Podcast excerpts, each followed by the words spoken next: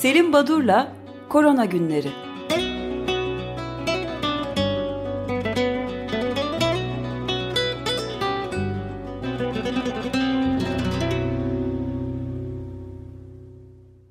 Açık Gazete. Günaydın. Günaydın. Günaydın. Nasılsınız? Ee, teşekkürler. Siz nasılsınız? İyi vallahi. Koronavirüsten ilgili son verdiğiniz haberler bu. Boston'da Harvard Üniversitesi'nin e, yayın, yayını ya da e, bildirisi. O e, Science dergisinde makale olarak çıktı. İlk isim Stefan Kisler. Uzun Hmm. süre yayılmış e, aralıklı sosyal mesafe uygulamasının 2022'ye kadar devam edeceğini söylüyor. Ayrıca bu geçen sürede yoğun bakım kapasitelerinin arttırılması, etkin tedavinin bulunması ve bu e, toplumsal bağışıklığa yardım edecek diğer e, önlemlerin e, konusunda gecikilmeden e, girişimlerde bulunmasını söylüyorlar. Tabii bu toplumsal bağışıklık, e, herd immunity dediğimiz kavramı başından beri hani ne zaman biter, ne zaman sonlanır, e, bu sorunun üstesinden ne zaman gelinir diye sorulduğunda hep bu toplumsal bağışıklık kavramı öne atılıyordu.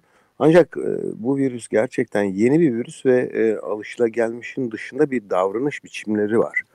E, o nedenle bu toplumsal bağışıklık kavramı şu andaki epidemiolojik verilere baktığımızda hani Haziran ayında falan ciddi bir azalmanın söz konusu olması lazım. Eğer klasik toplumsal bağışıklık kuralları ya da e, gelişmeleri hayata geçseydi. Ama bu virüste öyle olmuyor. E, ve bu nedenle birçok e, insan, birçok grup e, konunun e, hani bilen, yakından takip eden, üzerinde çalışan bilim insanları artık 2021-2022'den bahsetmeye başladılar. Yani o toplumsal bağışıklık olunca biter bu e, olay. O toplumsal bağışıklık olmuyor, olamıyor. Ya da ilk defa bir örnekte bu toplumsal bağışıklık o kadar önemli değilmiş gibi sanki. Buna dikkat etmek lazım. Evet bu çok önemli bir şey. Sizin de ikinci Tabii. dalga e, gelecek demeniz mesela uzun süreden beri bunları konuştuğumuzda hatırlanacağı hatırlanacak olursa bayağı ciddi bir uzaması ihtimalinden rahatlıkla bahsedebiliriz. Evet yani sonuç olarak çok basite indirgerek şunu söylemek istiyorum. Hem toplumsal bağışıklık hem aşı konusunda biz hep klasik olarak e, diğer enfeksiyon hastalıklarında gördüğümüz, diğer modellerde gördüğümüz verileri aktarıyoruz. E, Ve başlangıçta bu dillendiriliyordu. Ama hem toplumsal bağışıklık nasıl olacaktı? İşte insanlar e, temas edenler belirti versin vermesin, hastalansın ya da hastalanmasın antikor oluşacaktı. O antikorlar toplumda yayılımı e, engelleyecekti, kısıtlayacaktı ya da aşı geliştirilecek. Ne zaman? işte bu yılın sonunda tamam aşı olunca e, aşı yapan insan, yapılan insanlarda antikor olacak. Ama bunun antikorları korumuyorsa eğer bütün bu e, bahsettiğimiz e, teorilerin e, hani havada kalacağını e, söylemek mümkün. Bu konuda soru işaretlerinin oluşmasına da e, neden olan da birçok e, bulgu var. Neyse çok fazla karamsar hava yaratmayayım. Bir takım politik e, kişi- kişilerin e, yaklaşımlarını, farklılıklarını e, belirtmek için iki tane örnek vermek istiyorum. Bir tanesi Brezilya. Brezilya'da e, 1760 kadar yaşamını yitiren hasta vardı. E, işte 25 binden fazla e, olgu var. E, baktığımızda e, bir kahraman var orada. O şekilde e, tanımlanıyor Güney Amerika'da e, bu kişi. E, Brezilya Sağlık Bakanı Luis Henrique Mandetta.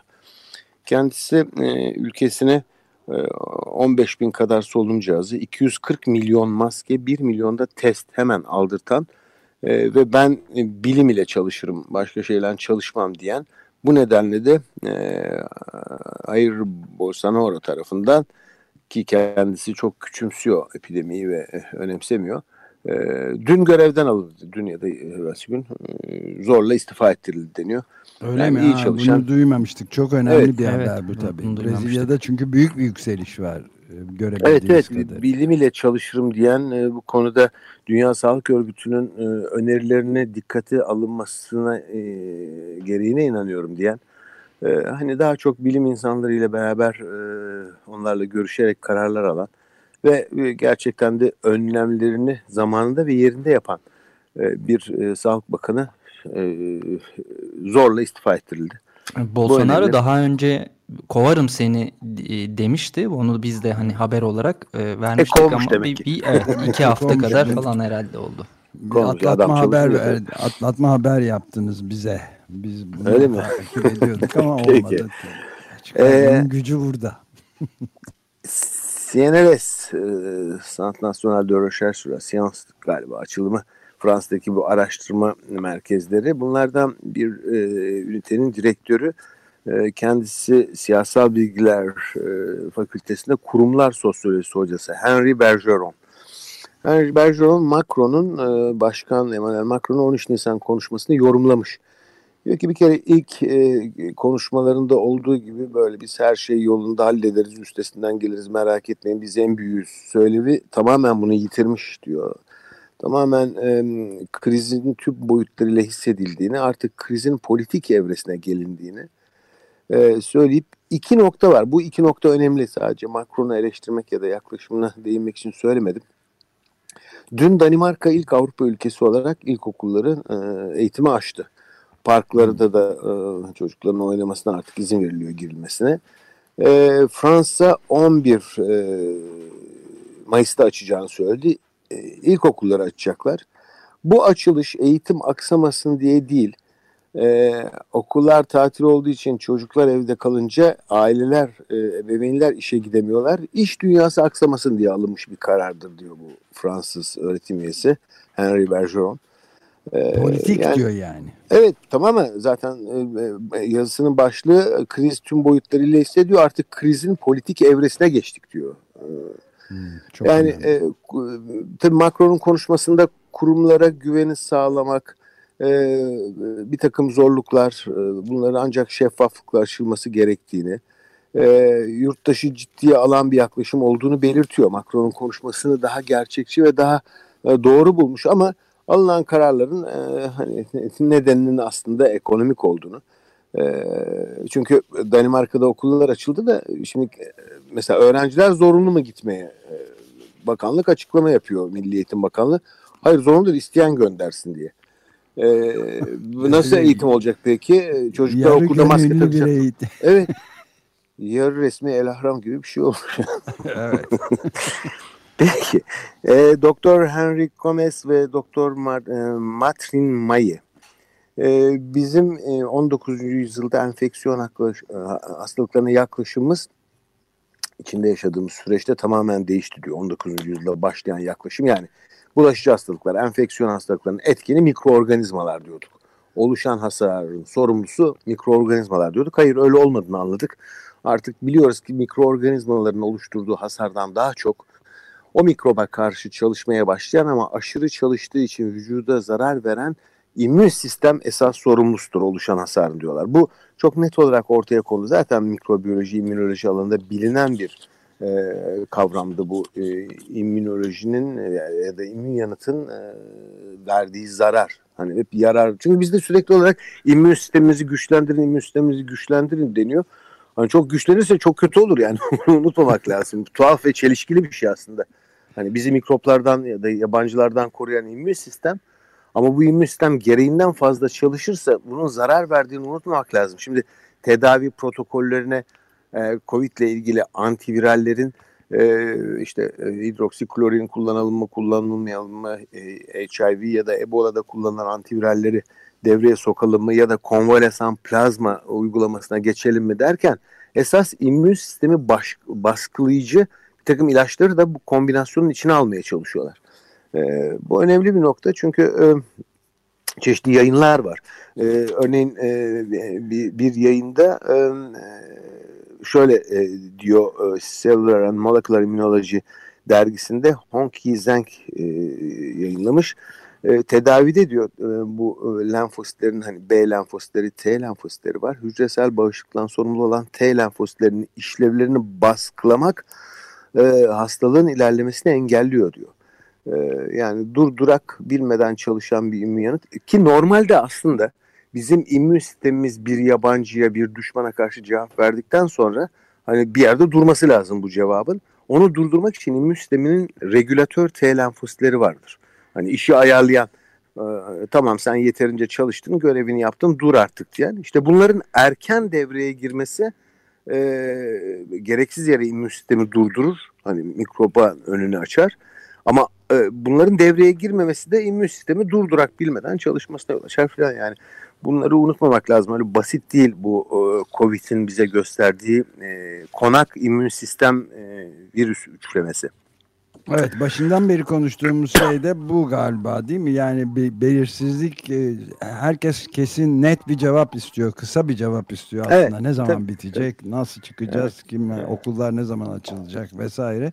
O kadar basit bir cevabı olmadığı gibi gitgide karmaşıklaşan raporları da sizin e, evet. ağzınızdan özellikle çok sık sık her gün dinliyoruz. Evet, evet ya. E, iki e, işin sosyal yönünü değinen yazı çıktı. Bir tanesi Chicago'da e, yapılmış bir e, araştırma e, Slit Jane Jansi e, JAMA'da yayınladı dün. E, Chicago'daki yaşamını yitirenlerin %50'si e, hastalananların %70'i siyah Amerikalılar. E, evet. Üç misli daha fazla beyazlardan. Bir diğeri de bu ilginç biraz içinde çelişki varmış gibi görünüyor ama yani farklı e, dolaylı almışlar konuyu. Madrix'te yayınlandı. E, Kinfu, Alam ve Asholei isimli üç tane Afrikalı araştırıcı Afrika'daki duruma bakmışlar. Diyorlar ki şu anda e, özellikle e, kentleşmeden yoksun, fakir, e, hani dünyadan kopuk bölgelerde bunlar da enfeksiyon az görülüyor. Bunun nedeni temas etmedikleri için. Yani buraya kimse gelmiyor zaten. Nereden gelsin diyorlar.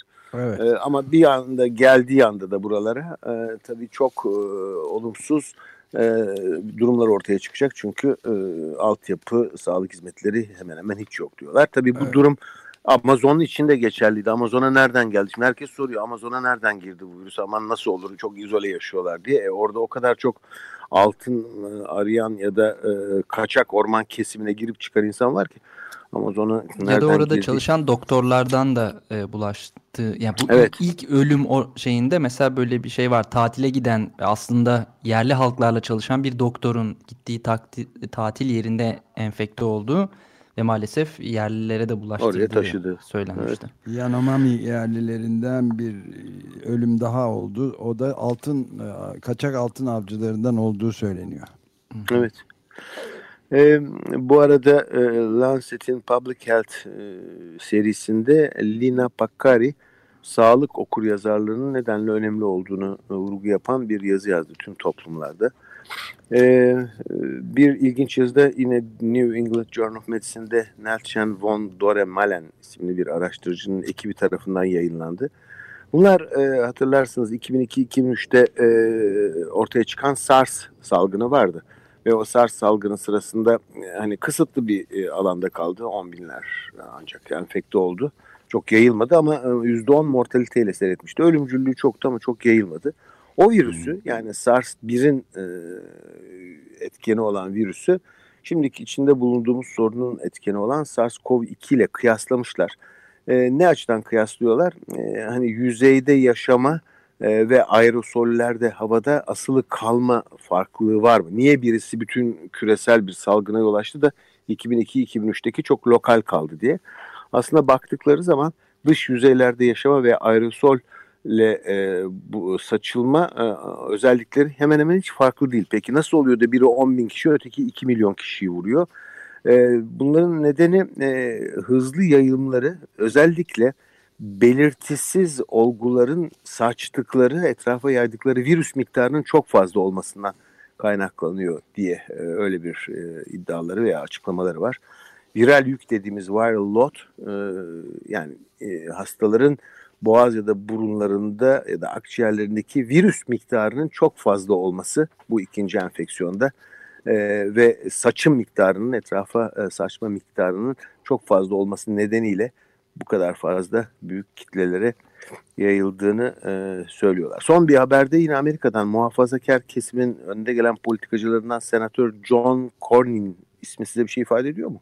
İklim kriziyle ilgili. E, hatırlıyorum evet e, iklim krizine karşı çıkan birisi, e, inanmayan, işte bu bir palavradır diyen birisi. Aynı yaklaşımını Covid içinde gösteriyormuş. Bu nedenle Science'da çıktı editorial bir yazı. Amerika Birleşik Devletleri'ndeki muhafazakar kesim içinde iklim krizine karşı çıkan buna inanmadığını belirten, alınan önlemlerle deyim yerindeyse dalga geçen herkes, her politikacı aslında bu e, Covid-19'dan da dalga geçiyor, inanmıyor, önemsemiyor diye bir yazı e, çıktı. E, benim bugün aktaracaklarım işte maskelere ait bir iki bilgi vardı. Oraya fazla e, değinecek vakit kalmadı. Özellikle e, e, maskelerin evde yapılan maskelerin çünkü sürekli olarak internette, sosyal medyada e, maske bulamazsanız kumaştan evde nasıl maske yapılır diye bir takım yöntemler falan gösteriliyor. Hani bu maskelerin e, bilimsel olarak koruyuculuğu falan hiç gösterilmediği çoktan iyidir ama diyorlar e, çok fazla buna e, bağlamayın. Bir de NIH, e, National Institute of Health, bu e, özellikle sağlık çalışanları için kullanımı önerilen e, daha sofistike N95 maskeleri vardı. O kadar maskesiz kaldılar ki herhalde nasıl dezenfekte ederiz de kullandığımız bir maskeyi bir daha kullanırız diye dört kademeli ısı ve kimyasallardan oluşan dört kademeli bir dezenfeksiyon yöntemini yayınladılar. Hani madem yenisini alamıyoruz, yerine koyamıyoruz, e, dezenfekte edebilir. Yani Batı dünyasının, o çok gelişmiş Batı dünyasının e, özellikle e, sağlığı özelleştiren e, ve bu şey, bunu bir başarı olarak yansıtan e, ülkelerin e, hani garip bir duruma düştükleri hani kendileri de belki inanamıyordur ya bu nasıl oldu bu diye. Evet, yani çok çünkü acayip. gerçekten çok e, çok acayip, çok acayip evet. Bugünlük bu kadar. Burada duralım efendim isterseniz. Evet çok teşekkür ederim. E, ufak bir e, şey de e, bizden haber var. E, bize küçük bir e, size şarkı armağan etmeye karar verdik. E, sürekli kapatırken soruyoruz ya Dominik'te durum nasıl diye. Evet. Bizde Gülümseyen Rahibe diye bilinen Sir Surir var. E, Dominik 1963'ten Dominik şarkısını Dominik, Aziz Dominik Süper. her yerde gezer ve hiçbir şey tanımaz. Yoksulların dostudur diye o şarkıyla sizi uğurlayalım. Peki çok teşekkür ederim. İyi yayınlar. Sağ olun. Sağ olun. Görüşmek üzere. Sağ olun. Sağ olun. Dominique, nique, nique, s'en allait tout simplement. Dieu, pauvre et chantant. En tout chemin, en tout lieu, il ne parle que du bon Dieu, il ne parle que du bon Dieu. À l'époque où Jean sans terre d'Angleterre était le roi, Dominique, notre père, combattit les albigeois. Dominique, nique, nique, s'en allait tout simplement, routier, pauvre et chantant. En tout chemin, en tout lieu, il ne parle que du bon Dieu, il ne parle que du bon Dieu. Certains jours, un hérétique par des ronces le conduit, mais notre père Dominique par sa joie le convertit. Dominique, nique, nique, s'en allait tout simplement, routier, pauvre et chantant. En tout chemin, en tout lieu, il ne parle que du bon Dieu, il ne parle que du bon Dieu ni chameau, ni diligence, il parcourt l'Europe à pied, Scandinavie ou Provence dans la sainte pauvreté. Dominique et Nique s'en allait tout simplement, routier, pauvre et chantant. En tout chemin, en tout lieu, il ne parle que du bon Dieu, il ne parle que du bon Dieu. Enflamma de toute école, filles et garçons pleins d'ardeur, et pour semer la parole, inventa les frères prêcheurs. Dominique et Nique s'en allait tout simplement.